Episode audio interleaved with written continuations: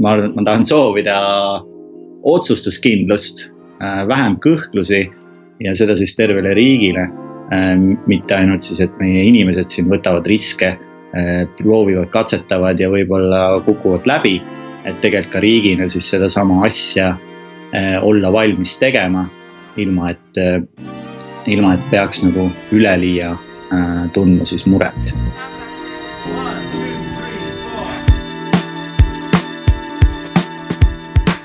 head kuulajad, tervitused äh, Palo Altost, Californiast. Äh, minu nimi on Rainer Störfeld ja te kuulate kahekümne kaheksandat episoodi saatest Globaalsed eestlased. kus minu eesmärgiks on vabariigi sajandaks aastapäevaks luua mälupilt silmapaistvatest Eesti inimestest üle maailma ning üksteiselt õppida.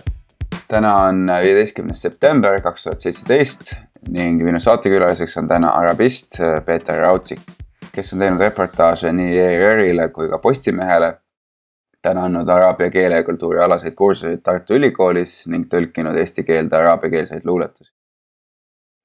ta on sündmusi kohapeal vaadelnud nii süürlaste põgenikelaagrites kui ka Tahiri väljakul Araabia kevadepäevil ja võib öelda, et tema fookuses ongi siis äh, Araabia kevade järgne periood ning sealsetes ühiskondades äh, aset leidnud sotsiaalsed, poliitilised ja majanduslikud äh, muutused Peeter pärit Lihulast, äh, omandas magistrikraadi rahvusvaheliste suhete alal Katari Doha instituudis, mille käigus uuris siis äh, Iraagi, Kurdistani ning Euroopa Liidu vahelist suhtlust. ja oma mõttekäike on ta kirjeldanud mitmetes artiklites nii diplomaatias kui Sirbis.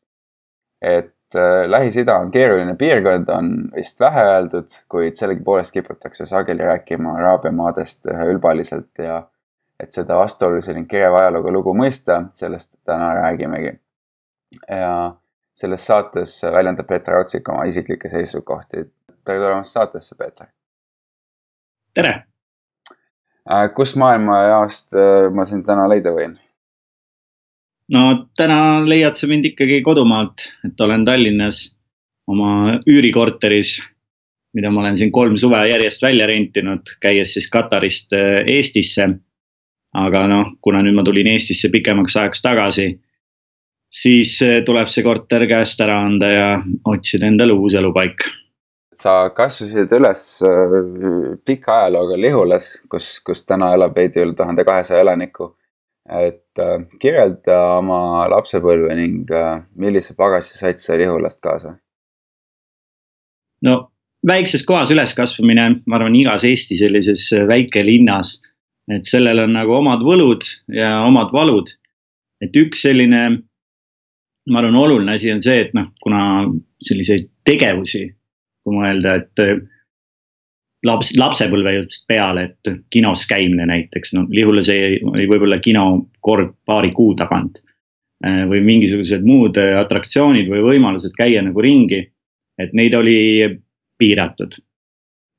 mis tähendas seda, et hästi palju tuli nagu ise mõelda, ise luua endale mingisuguseid võimalusi, tegevusi ja noh, loomulikult see siis äh, aeg-ajalt äh, nagu ikka juhtub, päädib selliste äh, koerustükkidega. ja noh, minu puhul eriti veel mängis nagu rolli see ka, et põhikooli vältel siis olin ma klassis, kus olid ainult poisid. ehk siis meil oli selline unikaalne olukord, kus A-klass eh, olime meie ja meil olid siis ainult poisid seal, mingi peaaegu kakskümmend poissi ja teine oli siis segaklass seal kõrval. ja noh, loomulikult see kombo tegelikult noh, paneb või paneb juhtuma igasugu põnevaid asju. ehk siis neid erinevaid siukseid äh, lapsepõlve koerustükke ja vempe ja vimkasid kooli kontekstis või väljapool sai ikkagi tehtud omajagu, et see oli nagu selline äh, üks pool sellest. aga teine asi oli see, et äh, mis kindlasti on väga hästi mulle meelde jäänud, eh, mis sellest, millest tõusis ka hiljem väga palju kasu, oli see, et me võtsime ette fotoklubi loomise. ehk siis põhikooli lõpus Lihulas äh, kuuekesi seal olime, otsustasime, et noh, see oli just see aeg, kui digitaalsed kaamerad ja ma räägin siis digitaalsed kaamerad mitte nagu peegelkaameratest, vaid ikkagi need väiksed tavalised digifotokad olid niimoodi tulnud laia tarbe või saanud nagu laiatarbekaubaks, inimestel oli võimalik neid osta.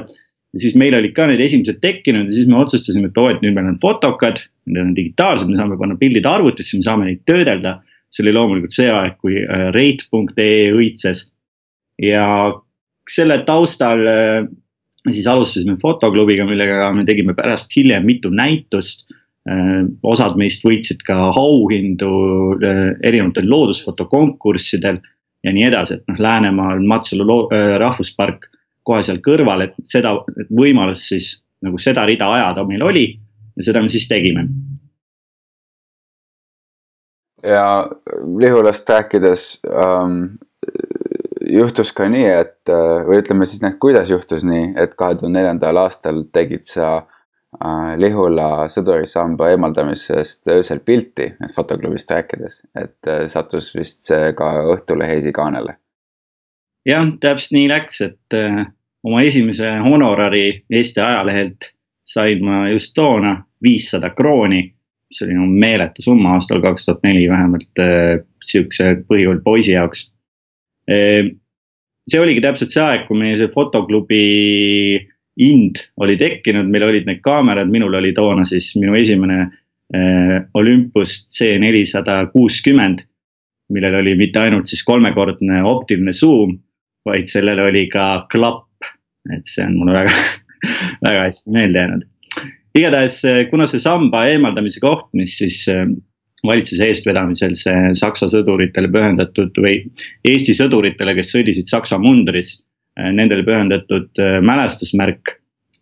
seda tuldi eemaldama see paik asus minu kodust või noh, mingisugune paarsada meetrit ehk siis, kui sinna koguneti, sinna tuldi ju kohale kraanaga, noh neid lugusid võib ju tagantjärgi lugeda lehest kuidas see nagu välja nägi. See oli nagu näha meil tegelikult äh, aknast ja siis mina ja mu vend, äh, mu noorem vend, me jooksime sinna kohale, minul oli fotokas, temal oli videokaamera kaasas ja siis juhtuski nii, et äh, minu tehtud foto sellest öisest madinast, mis siis nende märulipolitseinikega seal tekkis. minu foto oli Õhtulehe kaanel ja tema video oli Kanal kahes räägi, mis, mis juhtus pärast keskkooli, mida sa otsustasid edasi teha? no keskkoolini läks üldiselt natukene aega, sest et Lihulast ma keskkooli ei läinud, et ma läksin keskkooli tegelikult Saaremaale, kuna mu juured on Saaremaalt. ja siis ma olin Saaremaa Ühisgümnaasiumis. aga keskkooli järgselt äh, ma olin Tartu Ülikoolis, õppisin filosoofiat ja sukeldusin sinna ellu et äh, selleks ajaks juba fotoklubi päevad olid läbi ja algas selline tõsine Tartu äh, tudengielu. miks, miks filosoofia? sellega on naljakas lugu, et tegelikult tahtsin minna õppima hoopis ajalugu. aga kuna mul jäid seal mingisugused punktid puudu, et saada tasuta kohale õppima, siis ma mõtlesin nagu paljud teised on mõelnud, et noh, et lähen siis õpin midagi muud algul, vähemalt sama peaaegu sa, või samas teaduskonnas või lähedases et siis saan äh, nagu jooksvalt üle minna teisele erialale, ehk siis minu puhul ma tahtsin minna ajaloole üle, aga ma vaatasin, et filosoofiasse ma saan tasuta kohale sisse. kui ma sinna õppima läksin, jõudsin Tartusse kohale, tulles siis nüüd juba mitte enam Lihulast, vaid veel kaugemalt, Saaremaalt. Sain ma aru, et e, ajaloo õppimine mind nii väga ei paelugi, nähes kõrvalt siis natukene, mida, mida seal õpiti ja kuidas neid asju seal tehti ja see filosoofia kateeder tollel hetkel seal ja, ja kursakaaslased ja nii edasi, et see kõik äh, oli mulle väga-väga meeltmööda. ja siis ma jäingi tegelikult filosoofiat õppima ja olin sellest väga vaimustunud ka. Kuidas sa sattusid üldse õppima araabia keelt? jah, araabia keelega, et seda, see tegelikult juhtus natukene varem, enne kui ma Tartusse läksin, siis ma ei, tegelikult Eestis ei ole õppinud õppinud araabia keelt ühelgi kursusel. Äh, aga keskkooli lõpus äh, sealsamas Saaremaal oli selline hetk, kus Kätlin Hommik Mrapte, kes on kirjutanud äh, Eestis ka araabia teemadel hästi palju, tõlkinud erinevaid tekste. tema oli tulnud just tagasi Prantsusmaalt õpetama prantsuse keelt Äh, aga ta oli õppinud Prantsusmaal olles ka araabia keelt ja tast oli saanud siis moslem seal. ja tema oli tulnud sellel hetkel siis tagasi Eestisse prantsuse keelt õpetama, aga samal ajal ta alustas araabia keele ringiga. kokku, siis äh, ma läksin seal, ma arvan, et see oli üheteistkümnenda klassi lõpp, võib-olla kaheteistkümnes klass üldse. igatahes ma läksin sinna kohale ja mõtlesin, et äh, kuna see oli tasuta, et suurepärane võimalus siis õppida midagi uut. ja siis ma hakkasingi pusima sellega ja aasta läks mööda. ja siis sealt edasi, selles aasta lõpus noh, tähestik oli selge, mingisugused baasteadmised olid juba olemas. Läksin ma Jeemenisse kaheks kuuks suvel ja no mu loogika või mõtlemine oli see, et kui ma ei taha, et mu araabia keelega, mille ma olin värskelt saanud ja mis mind huvitas, ei läheks samamoodi nagu vene keeli, vene keel, vene keelega. mida ma olin selleks hetkeks õppinud seitse aastat võib-olla. ja ikka ei osanud, et siis ma sain aru, et mul on vaja minna keelekeskkonda ja noh, tegelikult äh, tol hetkel kaks tuhat üheksa olid kaalukausil nagu kaks riiki, Süüria ja Jeemen. mis toona olid väga, noh Süüria oli väga rahumeelne ja rahulik. aga kuna Jeemen äh, oli odavam, need kursused olid Jeemenis odavamad siis mu lihtne selline seitsmeteistaastase loogika ütles, et siis ma lähen sinna äh, koha peale. ja noh, see on selline omamoodi lugu, et noh, tagantjärgi on loomulikult huvitav vaadata, et kui naiivne äh, võib selline kaheksateist või seitsmeteistaastane noor nagu olla. Et kui ma olin selle keelekursuse, kõigepealt mulle öeldi, et maksa ära äh, sada dollarit meile ettemaksu enne kursust, saada see Western Unioniga meile. ainult emaili olime vahetanud selleks hetkeks. no siis sai see nagu ära tehtud ja siis mille peale tuli kiri, et oi, et raha on käes. tule siis äh, kui sa kohale jõuad, siis Muhamed on lennujaamas ja võtab su vastu. mina olin väga õnnelik, Muhamed tuleb lennujaama. Eh, mõtlemata, et eh, Jeemenis on noh, iga kolmas eh, mees on Muhamed. nii et kui ma sinna Sanaa lennujaama lõpuks kohale jõudsin, siis seal nagu sai pilt selgemaks, et Jeemen on ikkagi väga-väga teistmoodi kultuur ka araabia maailma sees kui nagu algul võiks ette kujutada. igatahes kogu see suvi läks väga korda ja sealt ma sain nagu sellise väga suure positiivse tõuke araabia keele edasiõppimiseks. et kui ma, või kui ma siis ülikooli läksin, siis ma pusisin selle araabia keele iseseisvalt. mäletan, kuidas õhtuti sai istutud raamatukogus lihtsalt loetud erinevaid õpp- või loetud erinevaid õpikuid ja lihtsalt väga toorelt nii-öelda äh, grammatikat tuubitud ja õppides siis mitte niivõrd rääkima, et see kõik on tulnud nagu hiljem, vaid too hetk siis lihtsalt ikkagi lugema.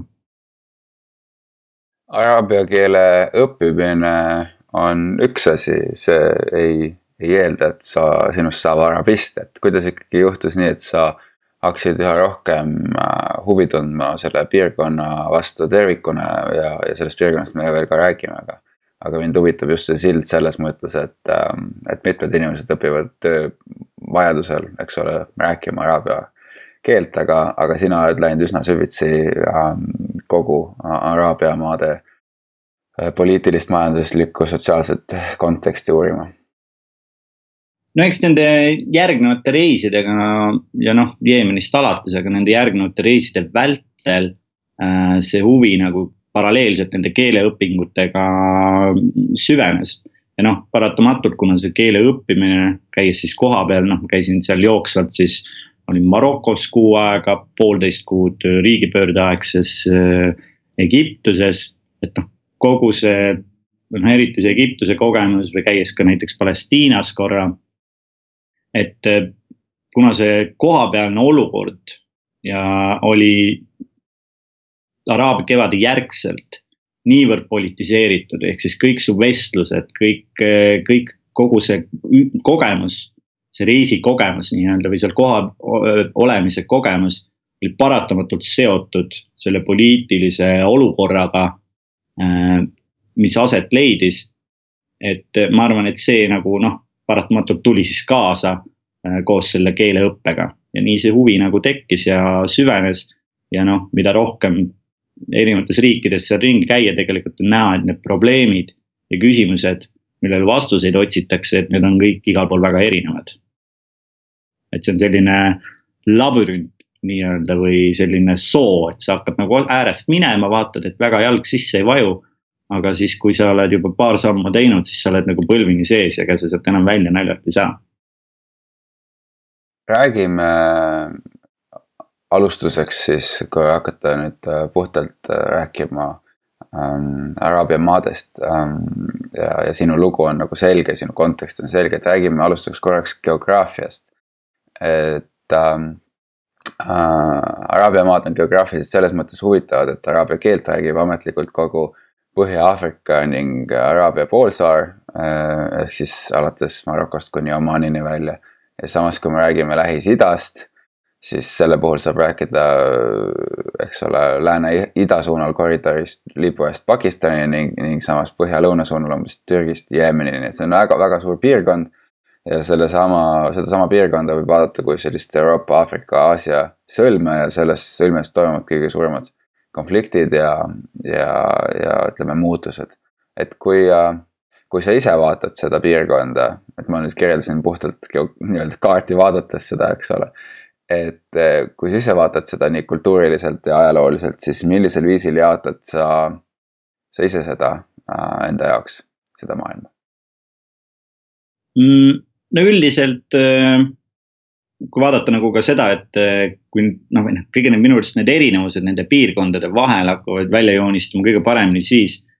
kui inimesed nendest erinevatest piirkondadest saavad kokku ja selle põhjal ma võin öelda, et noh, siis tulevad välja tegelikult need mentaliteedi küsimused, ka keele vahe, kultuuri, ajalookogemuse vahe. et kes oli kelle poolt näiteks äh, mingi hetk okupeeritud, äh, britid, prantslased äh, ja nii edasi. et kui see nagu kõik arvesse võtta, siis tegelikult ma arvan, joonistub välja sihuke neli pluss üks piirkonda. kui üle siis Araabia maailma et kui me võtame Põhja-Aafrika Marokost kuni Liibüani ehk siis see nii-öelda Magrebi, laiem Magrebi piirkond. Et see oleks nagu üks selline kompott, kõik siis olnud ka vastavalt Prantsuse mõjusfääris väga pikalt. aga noh, praegu ka keeleliselt, kui me võtame, mitte ainult see, et prantsuse keel on seal väga levinud, aga ka araabia keel, see berberi araabia keele mõju Äh, seal on hästi tugev, et see oleks nagu selline üks piirkond siis. teine piirkond äh, on tegelikult äh, siis Egiptus, mis sealt kohe edasi tuleks, oleks Egiptus, Sudaan. Ehk siis see Araabia maailma lõunapiir ei ole mitte Jeemen, vaid noh, ikkagi Egipt või tähendab Sudaan ja otsapidi nagu Etioopia välja tegelikult. et Sudaan tegelikult vaatamata sellele, et ta on ikkagi nagu Aafrika, päris Aafrika nii-öelda juba Äh, on ikkagi äh, Araabia maa ja Araabia liiga liige ka. Aga igatahes, et see Egiptus ja Sudaan moodustavad sellise omaette, kuna noh, mõlemad on väga suured riigid ka, siis neid nagu kuhugi teise kellegi külge nagu ka väga haakida ei saa.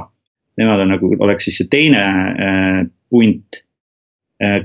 kolmas oleks siis see Shammi piirkond või siis eesti keeles me ütleme Levandi äh, piirkond mis oleks siis kõik, mis jääb Türgist nagu lõunasse vahetult. ehk siis äh, Liibanon, Süüria, äh, Jordaania, äh, Palestiina.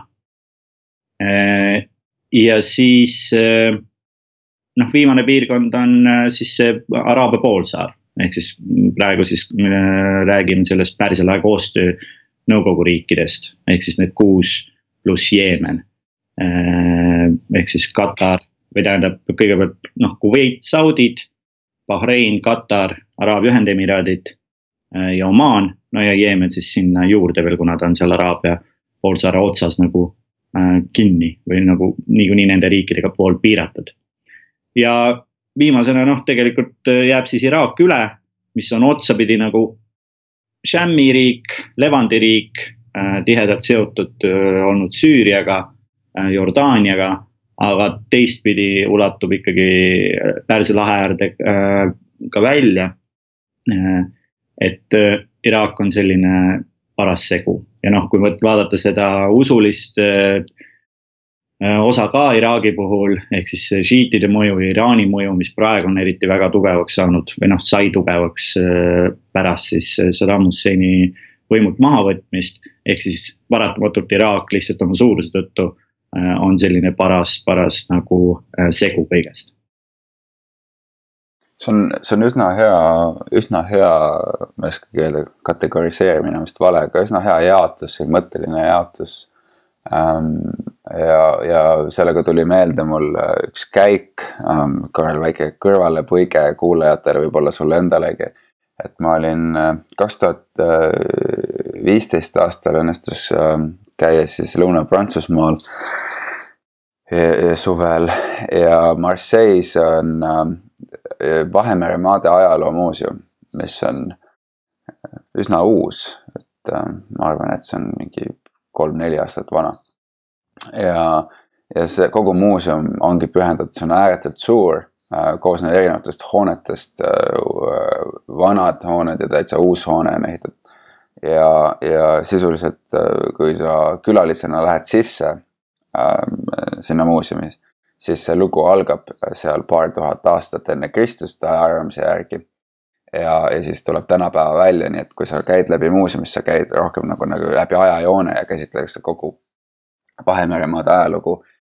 ja, ja keskses kohas, kesksel kohal on siis, siis religioon ja näidatakse erinevaid pühakodasid ja kuidas um, siis islam ja kristlus omavahel läbi saavad ja, ja, ja, ja judaism samamoodi ja kuidas kasutatakse samu pühakodasid mõnedes piirkondades, et see on. Äh, ma kindlasti soovitan sinna minna, äh, kui keegi sinna satub, et see on selline väike, väike kõrvalepõige ma repliigida siia. ja palun, muidugi. ja ei, ma lihtsalt noh, see Vahemere tsivilisatsiooni kontseptsioon, et sellest on tegelikult nüüd väga palju räägitud ka.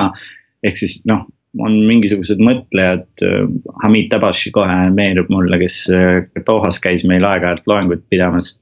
aga muidu on äh, New Yorgis äh,. tema, tema ka on alati rõhutanud nagu seda, et äh, need piirid, mis me oleme tõmmanud äh, mingit mööda mingisuguseid geograafilisi äh, jooni, ehk siis noh, et Vahemere lõuna ja põhja vahele. Et need on tegelikult sellised noh, kaasaja nii-öelda konstruktsioonid. ehk siis see, need kõik need, see segunemine, mis nagu varasemalt tuhande, paari tuhande aasta jooksul nagu aset leidis, eriti Vahemere piirkonnas Äh, see oli nagu väga-väga unikaalne, et üks selline lahe slaid lihtsalt siia kõrvale, väike näide. mida ma olen näidanud tudengitele aeg-ajalt. On Sitsiiliast, kuskilt keskajalt, keskajast, kus oli kolme või isegi neljakeelsed hauakivid. Araabia, Heebrea, ladina ja kreeka. ehk siis lihtsalt see, kuna noh, see oli selline punkt, kus kõik need erinevad äh, osapooled kokku said. see on, see on üsna hea koht küsimaks, et, et millised on sinu arvates suurimad valearusaamad Araabia maade kohta ähm,? Ma ei tea, kas me saame enam rääkida praegusel ajal eriti äh, mingisugustest valearusaamadest, kui me võtame arvesse kogu selle informatsiooni üleküllust ehk siis kõik vaated ju tegelikult äh, on esindatud, olgu see siis internetis või raamatutes äh, või ajalehtedes ja nii edasi, et noh, kõik arvamused on ju väljas, et pigem on nagu küsimus see, et mida me läheme siis otsima, kui me tahame midagi Araabia maade kohta teada. Et ma arvan, mis see nagu probleem on, mitte see, et meil nagu on need valearvamused, vaid me kuidagi teeme mingisugused eeldused ära enne kui me oleme nagu süvenenud kogu sellesse äh, laia äh, arvamus, arvamuste ja teadmiste nagu paljususse, mida araabia maailma puhul on nagu noh, meeletult. võib-olla ma küsin teistpidi siis, et, et äh, mis, äh, mis häirib sind kõige rohkem araabia maade kohta äh, ütleme uudisvoo, uudisvoo puhul ähm,. arvestades, et sa oled äh, ise üsna palju erinevates kohtades äh, elanud või õppinud või käinud. ja see, mida sa näed äh, igapäevameedias. nojah, paratamatult on toimunud see, või noh, tänu nendele konfliktidele, mis möllavad, mulle tundub, need konfliktid loomulikult varjutavad ka kõiki neid teisi riike, äh, mis seal ümber on, sest et eriti need sõjalised konfliktid, nende see väga intensiivne faas, kus nad on tõesti nagu möllavad sõjad on väga lühikesed olnud. ehk siis need on üsna madala intensiivsusega, sellised pikalt kestvad sõjalised kokkupõrked, konfliktid, kus siis tõmmatakse seal jooni üle nädalate väikesed üksused peavad omavahel mingisuguseid lahinguid, et noh, see ei ole enam see sõda, millest, mida peeti teise maailmasõja ajal. või mida peeti isegi nüüd Ukrainas. et see on ikkagi väga, väga palju väiksem, vähemalt kui vaadata nagu laiemat pilti. ehk siis need konfliktid paratamatult on nagu varjutanud kõige selle muu, mis Araabia maailmas toimub Äh, kõik äh, see uus nii-öelda araabia kultuur, äh, mis on tekkinud Araabia või Pärsia lahe ääres.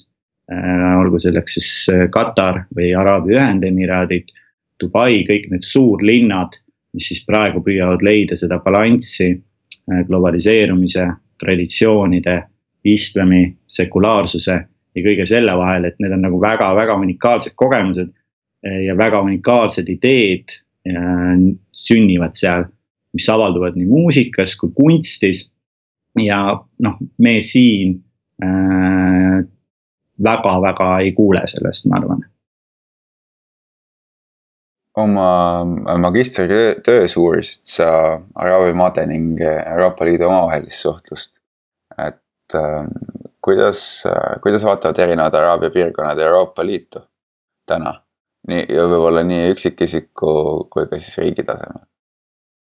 jah, no see töö oli tegelikult Iraagi Kurdistani kohta ja kurdide kaasus, et kuna nad ei ole araablased, on nagu äh, natukene teine, aga noh, loomulikult ma seal töös käsitlesin ka siis äh, noh, kasvõi Iraagi keskvalitsuse positsiooni kurdi omariikluse osas äh,. aga noh, ka teiste riikide selliste jõukeskmete äh, vaateid äh, seda regiooni. EL suunas äh, noh, väga ei, EL ei nähta nagu sellise suure jõuna, kes suudaks äh, lõpetada konflikte või isegi neid alustada.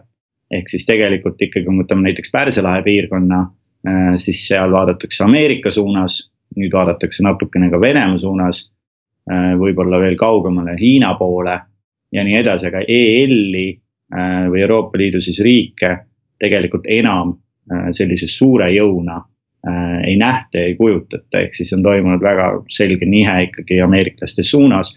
ja noh, äh, ameeriklased võtsid ka noh, Pärsia lahe kontekstis just selle julgeoleku, Pärsia lahe riikide nagu julgeoleku tagamise ju just brittidelt üle.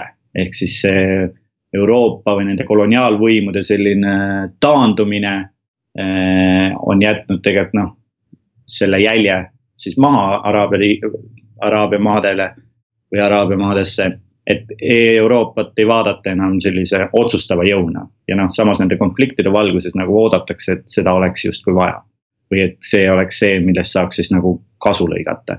ehk siis see pehmest jõust äh, mida Euroopa Liit püüab siis nagu välisriikidesse või teistesse piirkondadesse kuidagi projekteerida.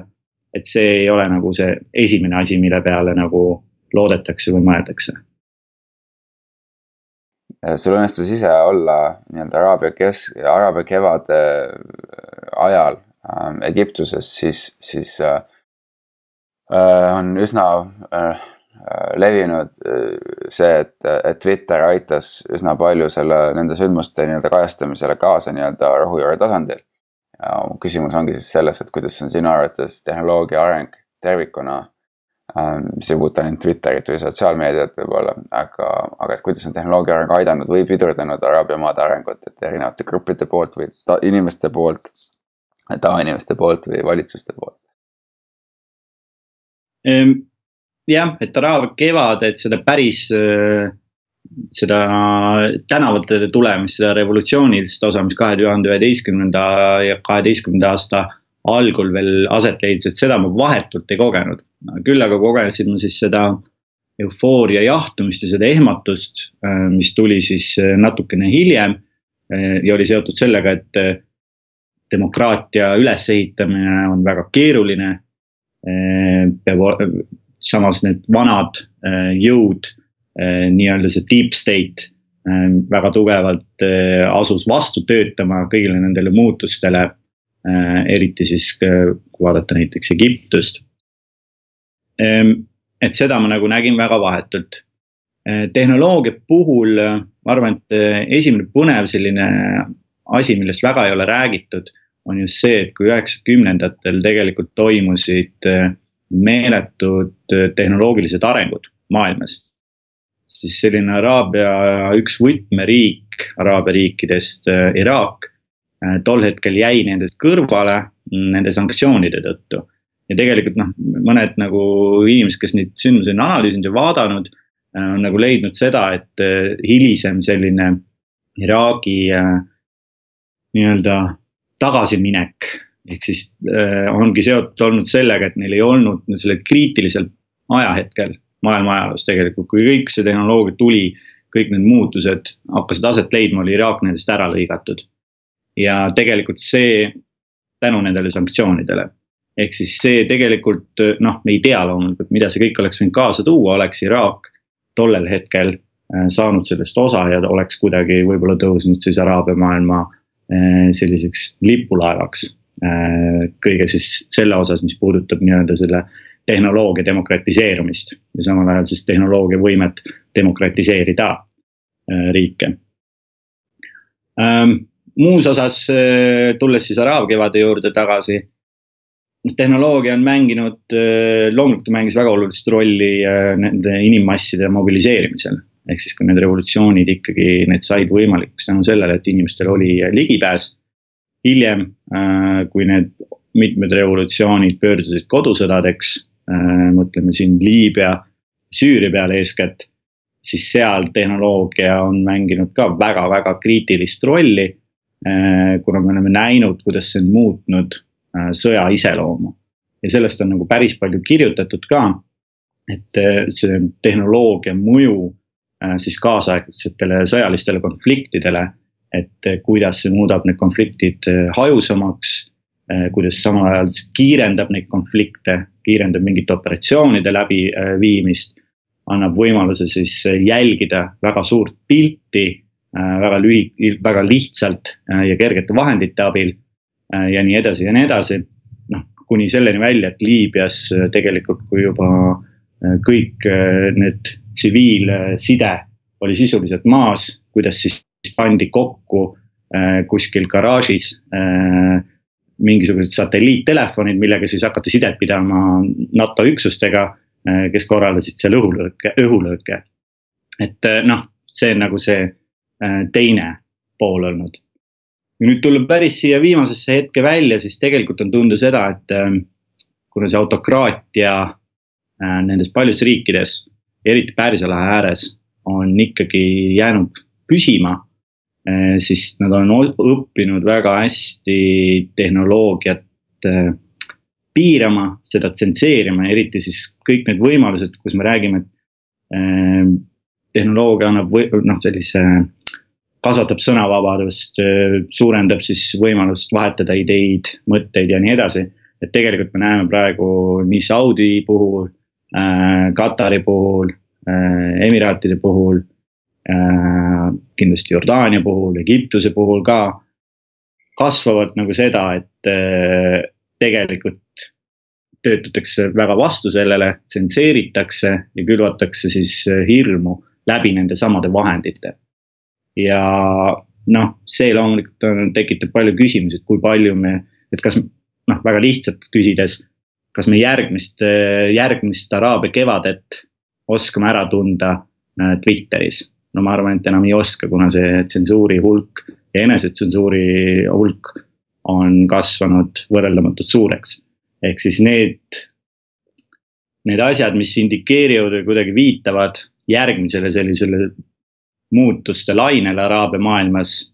ma arvan, et me veel ei tea, kus need hakkavad välja paistma. kui, kui vaadata seda piirkonda tervikuna, siis tegemist on äh, võib-olla see on liiga, liiga, liiga suur üldistus, aga, aga on äh,, ei saa öelda, et tegemist on maavara, vaese piirkonna või territooriumiga. et see omakorda valab siis õli tulle ning, ning teeb rahvusvahelised suhted võib-olla keerulisemaks. Ja, ja mõjutab nii-öelda kogu maailma poliitikat. mida, mida sa arvad äh,, kas lääs saab aidata Araabia maid ja ja kuidas? see on nagu hea küsimus, et mm, selles suhtes, et ähm, kogu see civilizing mission, mida lääs on püüdnud äh, läbi viia äh, Araabia maailmas või Aasias äh, või kuskil mujal siin üle saja aasta juba, algul siis koloniaalvõimuna. nüüd siis mingisuguste teiste selliste bännerite all. et ma ei ole kindel, kui palju see on siis edu toonud noh, teistpidi jälle, kui me mõtleme nagu Ida-Euroopa peale või Eesti peale, siis äh, sellest äh, lääne toest või Lääne-Euroopa toest äh, väga otseselt meile. sellest, ma arvan, me oleme väga palju võitnud ja väga palju kasu saanud. aga Araabia maailmas see ei ole see seni nagu materialiseerinud. ehk siis ma ei ole päris kindel jah, et äh, siin on mingisugune masterplaan kuskil peidus äh,. kuidas siis, mida EL vaadates kuskilt ülevalt alla Eh, saaks siis öelda, et tehke nüüd seda ja seda, siis teile tuleb rahu eh, ja kõik on eh, justkui ilus, ehk siis mingisugused protsessid, noh, paratamatult peavad ise jõudma lõpuni nendes riikides ja nendes piirkondades, et ma arvan, et siis me saame alles rääkida sellisest noh, nii-öelda partnersuhtest kogu selle suure teema nii-öelda kokkuvõtteks ma te-, ma teeks ettepaneku, et teeks sellise huvitava eksperimendi, sellise tulevikku vaatava kiirsessiooni, et ähm, et oma, oma podcast'is vaatame peamiselt siis äh, ajaloolises mõistes äh, ütleme pikemat perspektiivi äh,, nii-öelda edasivaatavat perspektiivi, arvestades ka minevikku. ja ja, ja siinkohal võikski teha siis vaate erinevate riikide tuleviku kohta, ütleme siis käesoleva sajandi ulatuses.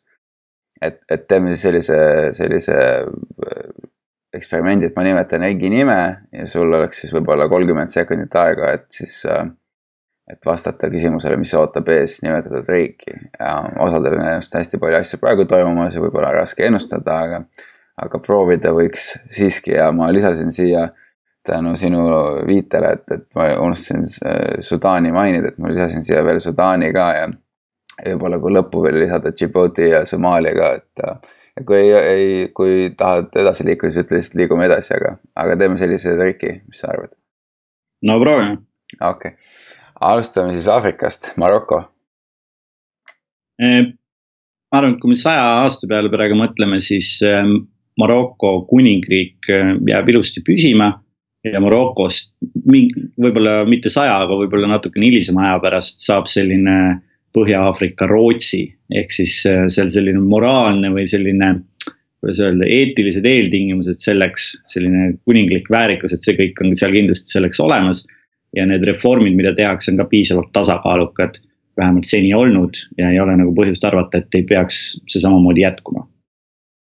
Alžeeria Alžeeria seisab, äh, ma ütlen ausalt, et Alžeeria kohta ma väga palju ei tea ja väga paljud Alže-, ei väga paljud äh, araablased ise ka Alžeeria on kuidagi ära unustanud ja Euroopa samamoodi. aga noh, Alžeeria on läbi teinud suure kodusõja üheksakümnendatel ja tõenäoliselt see areng seal, need tormilised ajad on praeguseks ikkagi samamoodi läbi. ehk siis mingisugust sellist konflikti seal tõenäoliselt ei tule, aga see demokratiseerumine või need muutused saavad olema seal ikkagi üsna aeglased. kui suur, kui, kui suure Prantsusmaa mõjusfääri all ta ikka on täna? väga suure, ehk siis eh, see Prantsuse mõju kindlasti on seal olemas ja noh. võiks arvata, et ta ei, ei, ei muutu enam selle aja jooksul, millest me räägime, selle järgmises või saja aasta jooksul. ei, ei põhjusta seal enam eh, nii teravaid konflikte, kui varem oli. Tuneesia Tuneesia äh, araabia kevade siis äh, imelaps äh, demokraatia mõttes, et ainukene riik, kus tegelikult on õnnestunud mingisugused demokraatlikud reformid tõenäoliselt need jätkuvad, kuigi praegu on Tuneesiast tekkinud ka selline väike pettumus, et need muutused ei ole olnud nii kiired ja nii edukad, kui nad algul lootsid. aga tõenäoliselt see kõik ikkagi kulgeb seal omasoodu ja pigem siis selles suunas, et sellest saab Araabia maailma demokraatia lipulaev. ja välis, tänu ja üks põhjus just seal on see, et välisjõud, kuna Tuneesia on niivõrd kõrvaline ja niivõrd väike, siis need välisjõud väga ei sekku seal, mida nad teevad teistes riikides. Euroopale üsna lähedal ka teistega võrreldes. just mm. -hmm. Uh, Liibüa, hoopis teine maailm. Liibüa on selles suhtes, no Liibüa ja Tuneesia on praegu väga seotud, kuna mm -hmm. väga palju Liibüa, miljonid Liibüa põgenikud on tegelikult mm -hmm. läinud Tuneesiasse. Eh, aga Liibüa, kui see kodusõda nüüd seal jõuab mingi hetkel lõpufaasi, siis tõenäoliselt see riik ikkagi jääb üsna jagatuks, selliseks kaheks-kolmeks tükiks. et see rannikuäär kaheks, pluss sinna kõrbesse veel selline ei kellegi maad natukene. Aga noh, pigem see rannikuäär ikkagi muutub stabiilsemaks aga mis see täpselt see poliitiline vorm seal on, kas see on mingisugune föderatsioonile laad, laadne asi et noh, seda ma tegelikult julgeks isegi mõelda küll äh,. Egiptus äh,? Egiptust, noh, ma arvan, et selles ei ole väga kahtlust, et Egiptust ootavad ees, kui me räägime nii pikast ajaperspektiivist, et see kuni sada aastat, et seal mingisugune revolutsioon, mingisugune väga tormilised ajad äh, tulevad, et selles tõenäoliselt ei ole kahtlust, ehk siis see, kuidas Sisi praegu tegelikult kopeerib või teeb kõiki neid samu vigu, äh, mida tegi omal ajal Hosni Mubarak. selles siis on väga vähe kahtlust selles, et Egiptuses äh, kogu selle üheks, ligi üheksakümne miljoni inimesega, et seal ei tuleks uut revolutsiooni, uut tormi. küll aga ma julgen seda küll öelda, et Egiptus erinevatest teistest araabia riikidest kodusõtta ikkagi ei pöördu. ehk siis seda ei ole seni väga juhtunud ja Egiptuse see on tegelikult imetlusväärne, kui kaua seal on olnud Äh, tugev keskvõim olemas, ehk siis isegi kui on sõditud kuskil äärealadel, siis tegelikult Egiptuse riik, see bürokraatiamasin on ju tegelikult toiminud väga-väga äh, pikalt. ja ma arvan, et see jätkub mm. -hmm. käime, käime siis lõunas ka ära, Sudaan ehm,.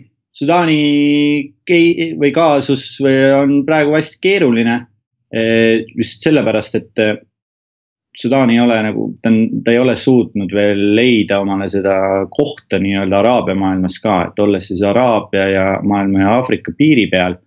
väga raske nagu öelda, mis seal nagu edasi saab, aga noh, need mingisugused poliitilised äh, konfliktid praeguseks hetkeks loomulikult on enam-vähem jõudnud lõpule.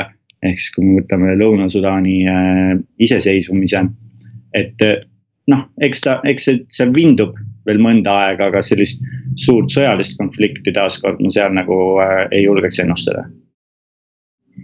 okei okay. ähm,, lähme, lähme tagasi ülespoole, et võtame keerulisemad piirkonnad ette, võtame, hakkame alus-, alustame Palestiinast.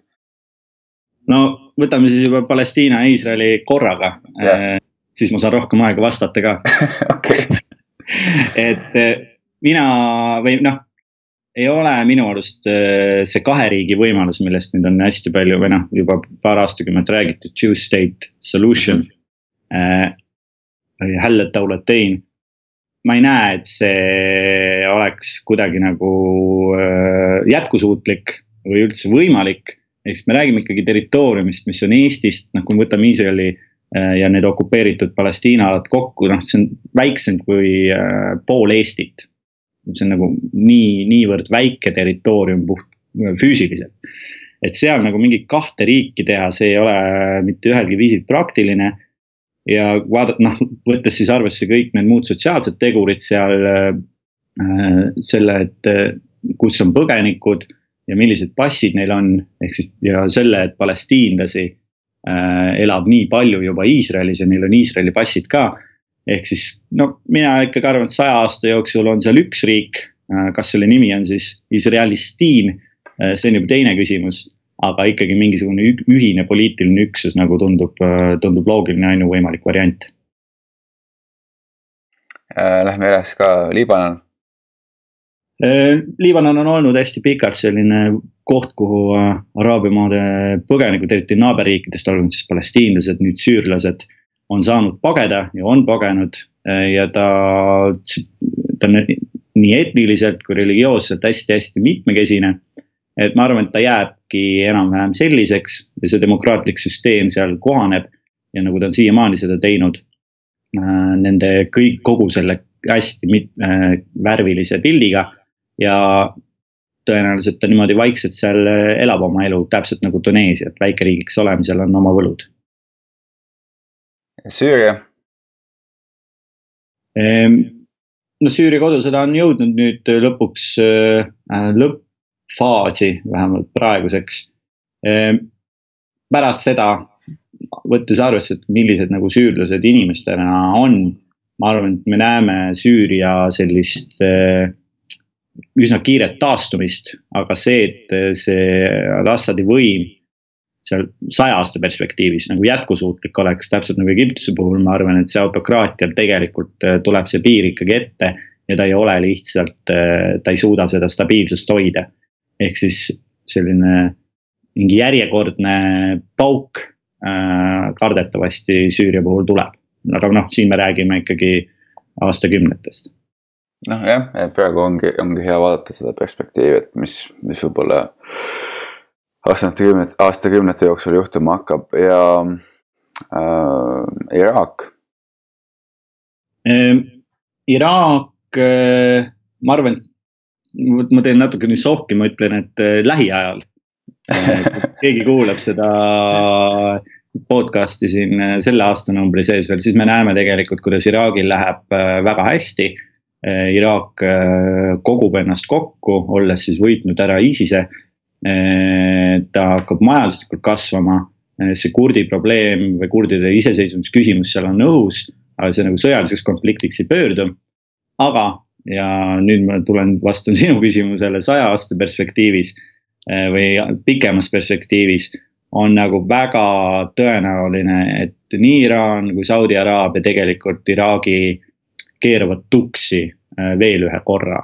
ehk siis äh, lihtsalt tugev Iraak ei ole praegu äh, vähemalt Saudide perspektiivist mingil viisil lubatav.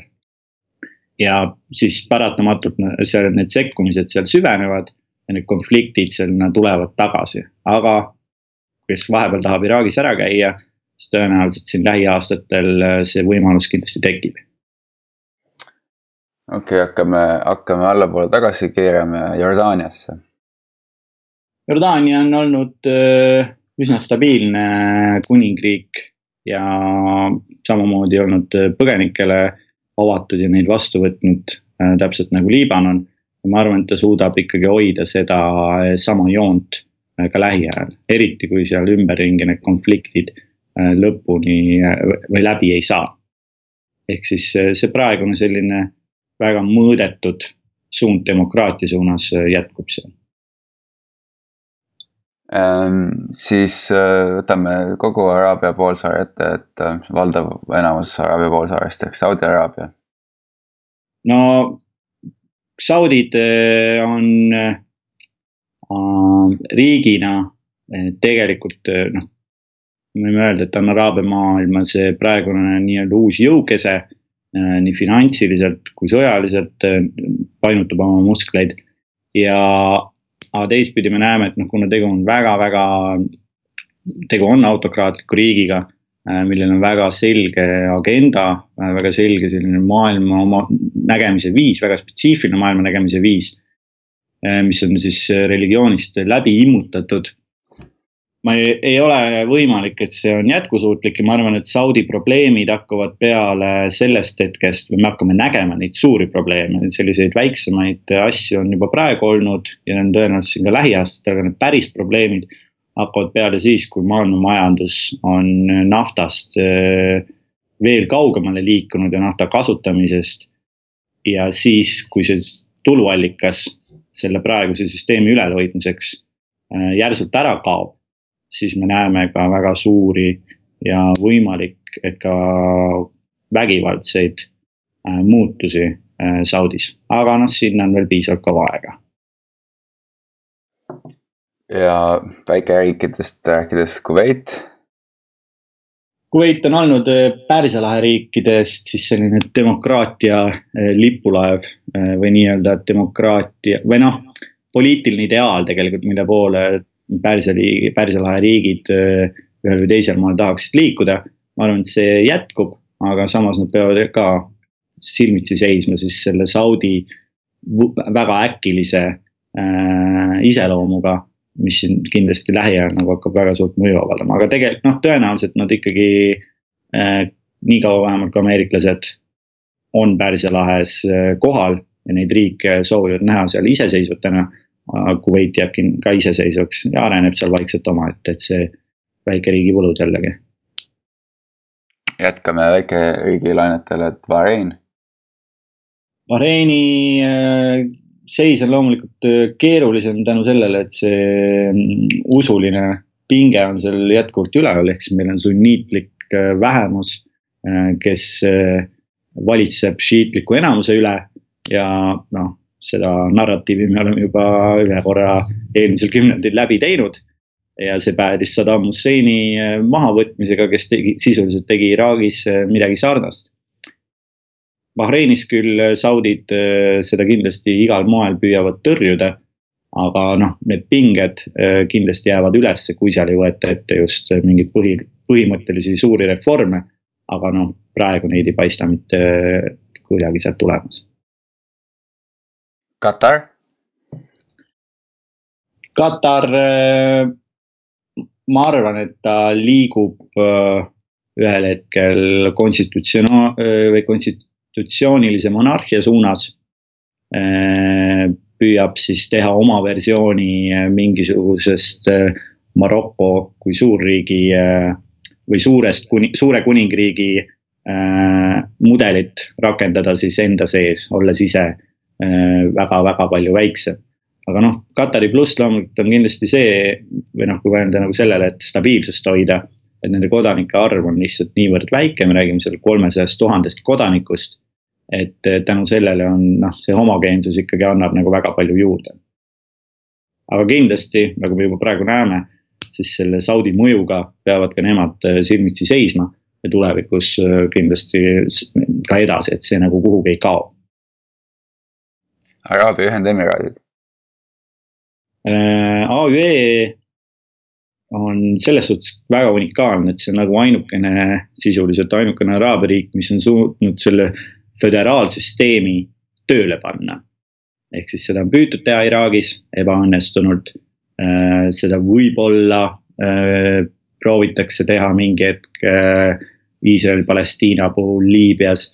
me ei tea, mis sellest saab, kas see on võimalik, aga AÜE on seda suutnud ja nad on teinud seda väga edukalt ja nemad on ka noh, tänu sellele, et nad on väikeriik, neil on olnud võimalus ka rohkem nagu või natuke kiiremini mingisuguseid muutuseid läbi viia, võrreldes siis näiteks Saudidega. ja nende äraliikumine siis äh, nafta äh, tuludest on olnud üsna edukas siiamaani. ja see kindlasti, ma arvan, et see kindlasti jätkub.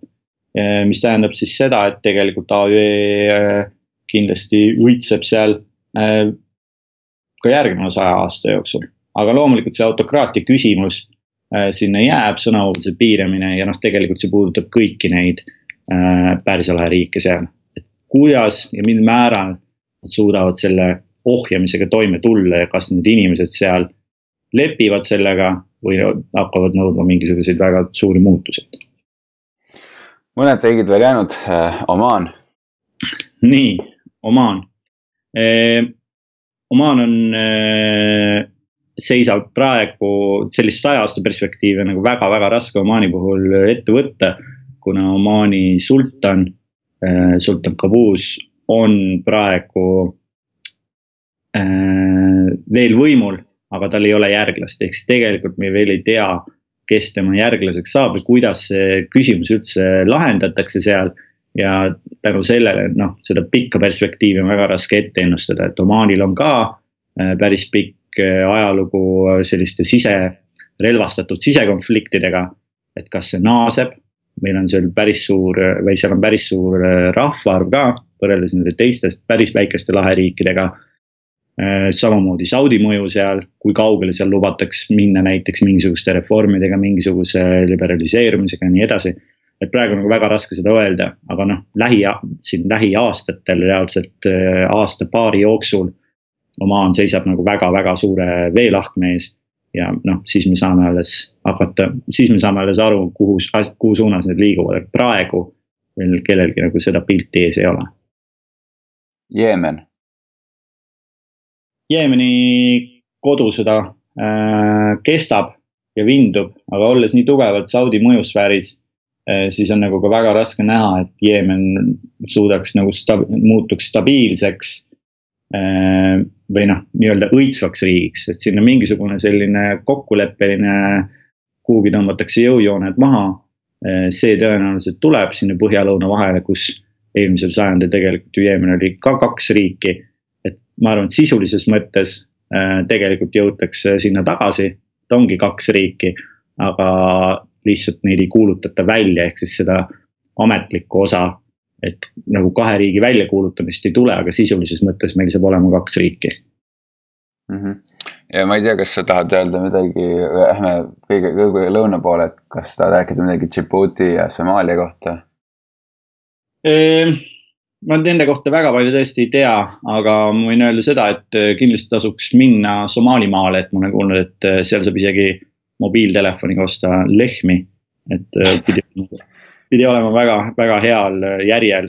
nii, ja ma räägin Somaalimaast mm. -hmm. pidi olema väga heal järjel nii majanduslikult kui ka siis tehnoloogilis-kultuuriliselt no nii su, see suur seeria sai läbi tehtud minu arust väga, väga edumeelselt, nii palju, kui seda on võimalik teha äh, nii lühikese aja jooksul äh, et ähm, kas äh,, kui sa peaksid nimetama mõned raamatud, mida peaks eestlased lugema, et, et paremini mõista araabia maid, siis, siis millised need oleks?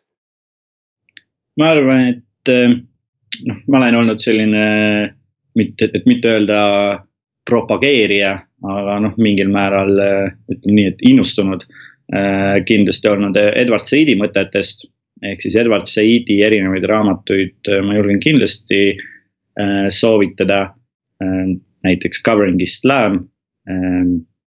Et seda eesti keeles küll ei ole, aga inglise keeles täiesti olemas. Väga, väga põnev vaade ja tema kogu see orientalismi nagu kontseptsioon, noh, et selle tundmaõppimine. et see on kindlasti noh, ma arvan, väga oluline eeltingimus, kui me tahame hakata rääkima araabia maailmast. see, kas me oleme Saidiga nõus või mitte, see on juba teine küsimus aga vähemalt olla kursis selle mõtlemisega või tema nende ideedega. et see on nagu väga äh,, väga oluline.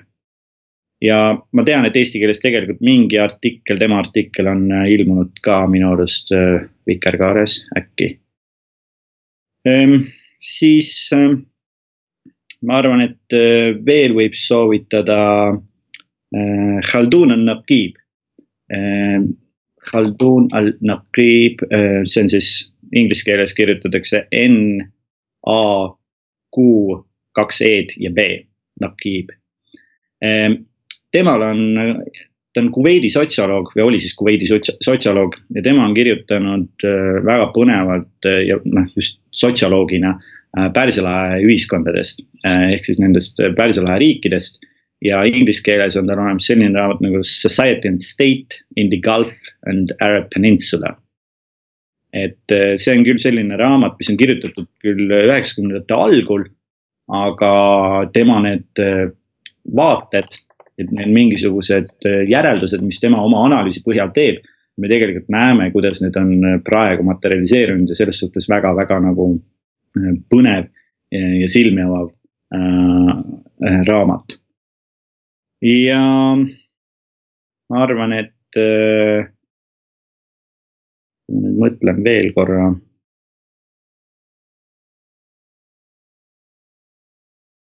siis on olemas ähm, Ali Abdel Razek ähm,, kes kirjutas äh, küll eelmise sajandi algul, aga keda võib pidada sihukeseks progressiivseks islami mõtlejaks et nüüd, kui meil on viimastel aastatel väga palju olnud juttu kalifaadist ja ISISest islami kalifaadist.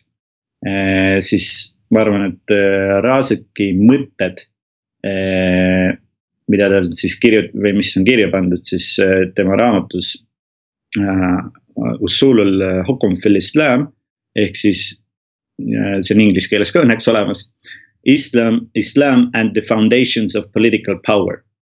Ali Abdullah Razak, et seal raamatus ta vaatab teoloogilisest vaatepunktist kalifaati ja jõuab järelduseni, et kalifaati ei ole tegelikult moslemitel vaja ja mitte ükski asi sellele tegelikult ei viita ja seletab siis ära, mis on poliitiline võim või teeb selle vahe väga selgeks, poliitilise võimu ja siis selle religioosse nii-öelda äh, prohveti, prohvetist tuleneva sellise võimu vahel. ehk siis need ei ole samad asjad. mida see kalifaadi idee tegelikult püüab siis äh, väita. et need on sellised äh, põnevad raamatud, kõik jah, need on inglise keeles ka olemas. aga siis kaks nendest originaalis tegelikult araabia keeles ilmunud ja võib-olla kogu Araabia teema lõpetuseks oleks paslik küsida, et millele sa ise tahaksid keskenduda oma edaspidises tegevuses? ma arvan, et üks selline põnev asi, mille peale ma olen mõelnud, on, on see, et noh, kui teha või mõelda nüüd Eesti kontekstis või Eesti jaoks midagi.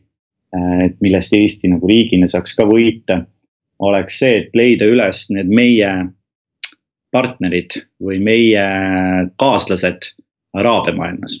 et äh, praegu näiteks on meil küll saatkond Egiptuses, mis on noh, mingil määral nagu loogiline valik, me käime seal, meil käib hästi palju turiste seal. Meil on, äh, äh, ta asub enam-vähem Araabia maailma keskel, sealt saab liikuda ühele või teisele, teises suunas. aga kui me nagu mõtleme riigina, siis meil on ühel pool üheksakümne miljoniline Egiptus ja teisel pool siin pooleteist miljoniline Eesti et noh, ma ei näe nagu seda mõttelist äh, partnerit või sellist ideelist nagu ühisosa väga suurt meie vahel. et millele ma tahaks keskenduda, on see, et leida nagu kõigepealt see ühisosa nende araabia riikidega, kellega meil võiks olla ühisosa, ehk siis need peaks olema väikeriigid, mereriigid.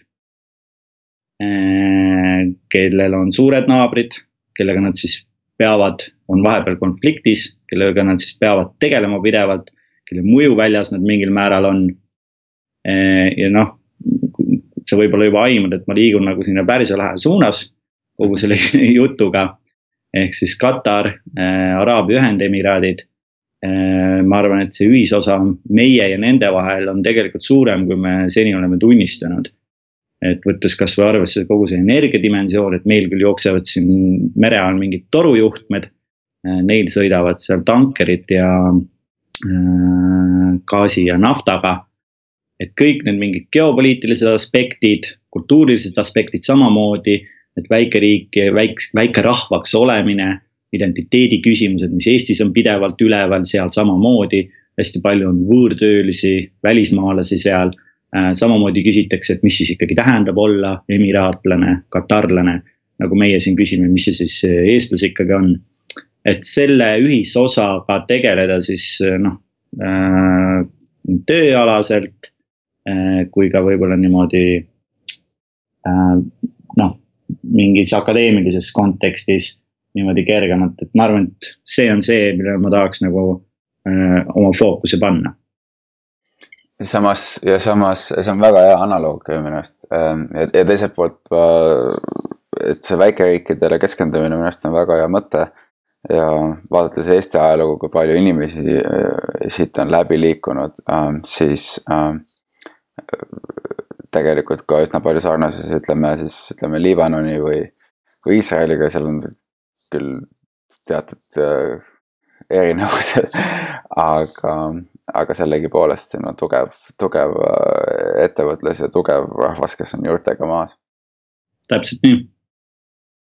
et ähm, aga, aga läheme, tulemegi täiesti Eestisse siis ära, et, et räägime korraks Eestist ka, et ähm, ähm, mida me teeme kõikide saatekülalistega, et kui keegi küsib ja see on nüüd väga huvitav minu jaoks, et kui keegi küsib äh, sinu käest, kui sa oled Araabia maades, et kus on Eesti või milline on Eesti, siis kuidas sa vastad?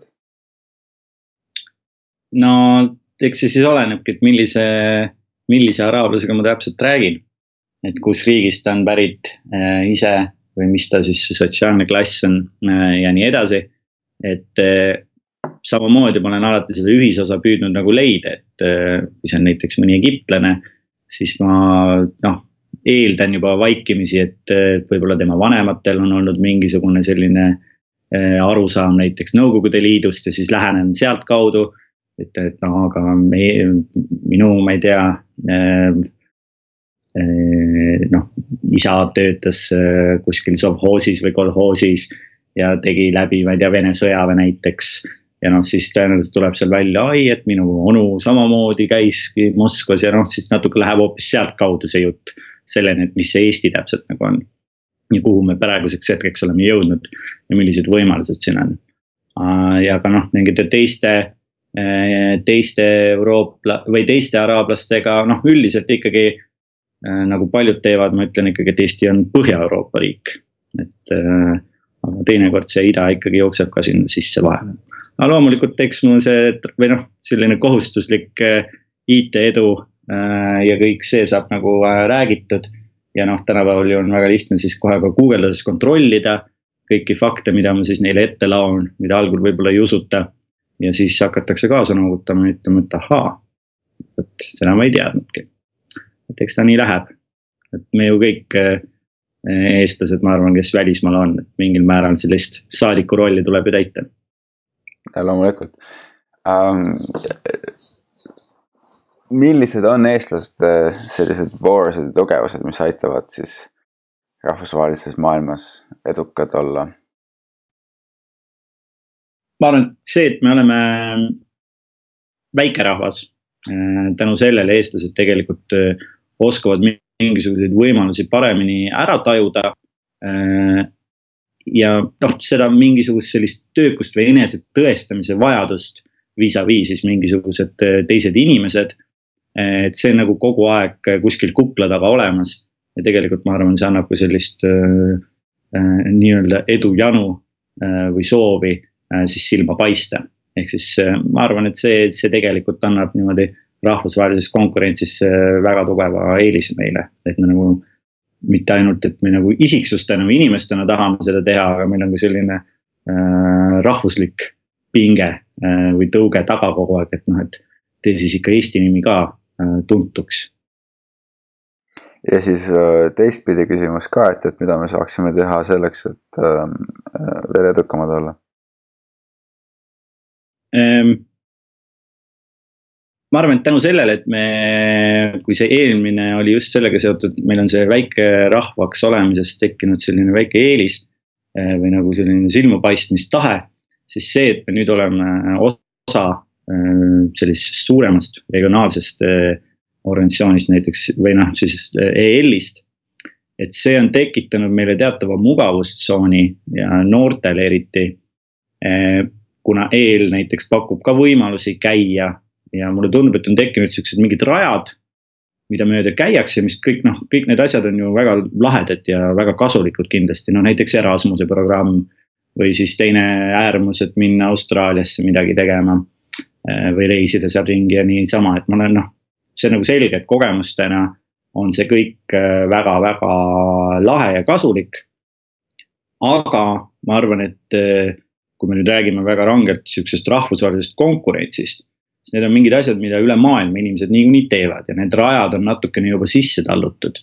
ehk siis see tegelikult sellist konkurentsieelist ei anna, ehk siis kui midagi soovitada, siis võib-olla ongi see, et leida üles need mingid alternatiivsed programmid ja teed äh, ja riigid ja piirkonnad. Äh, millele siis pan-, vaadata või noh, mida siis avastada ühtpidi. ja mida siis ka tundma õppida ja siis see annab tegelikult noh, no enda näitel nagu selle Araabia maade ja Kataris õppimise näitel võin öelda, et sellest on nagu noh, see annab väga selge nagu konkurentsi sihukese eelise võrreldes siis mingite teistega. ja, ja kõige lõpetuseks äh, äh kohustuslik küsimus, et äh, Eesti Vabariik saab äh, veebruaris äh, saja-aastaseks. et milline oleks sinu soov Eesti Eesti sajandaks sünnipäevaks? ma arvan, et ma tahan soovida otsustuskindlust, äh, vähem kõhklusi ja seda siis tervele riigile. Äh, mitte ainult siis, et meie inimesed siin võtavad riske proovivad, katsetavad ja võib-olla kukuvad läbi. et tegelikult ka riigina siis sedasama asja olla valmis tegema, ilma et, ilma et peaks nagu üleliia tundma siis muret. Ehk siis otsustuskindlust. Peeter äh,, suur tänu, et sa võtsid selle aja äh,. me oleme nüüd tund aega ja, ja, ja äh, kaksteist minutit siin rääkinud. ja oli ääretult põnev, aitäh, et tutvustasid meile oma, oma nii-öelda kogemusi ja, ja Araabia maid rohkem, see oli rohkem nagu kiirkursus Araabia maadesse. ja ma loodan, et sind saadab edu sinu edaspidistes tegemistes aitäh ja järgmise korrani. just, head kuulajad, sellega on meie tänane saade läbi äh,. nagu ikka, et kui teil on äh, soovitusi, kommentaare äh,, mõtteid, saatke mulle email globaalsed eestlased, et gmail.com ja kuuleme juba järgmine kord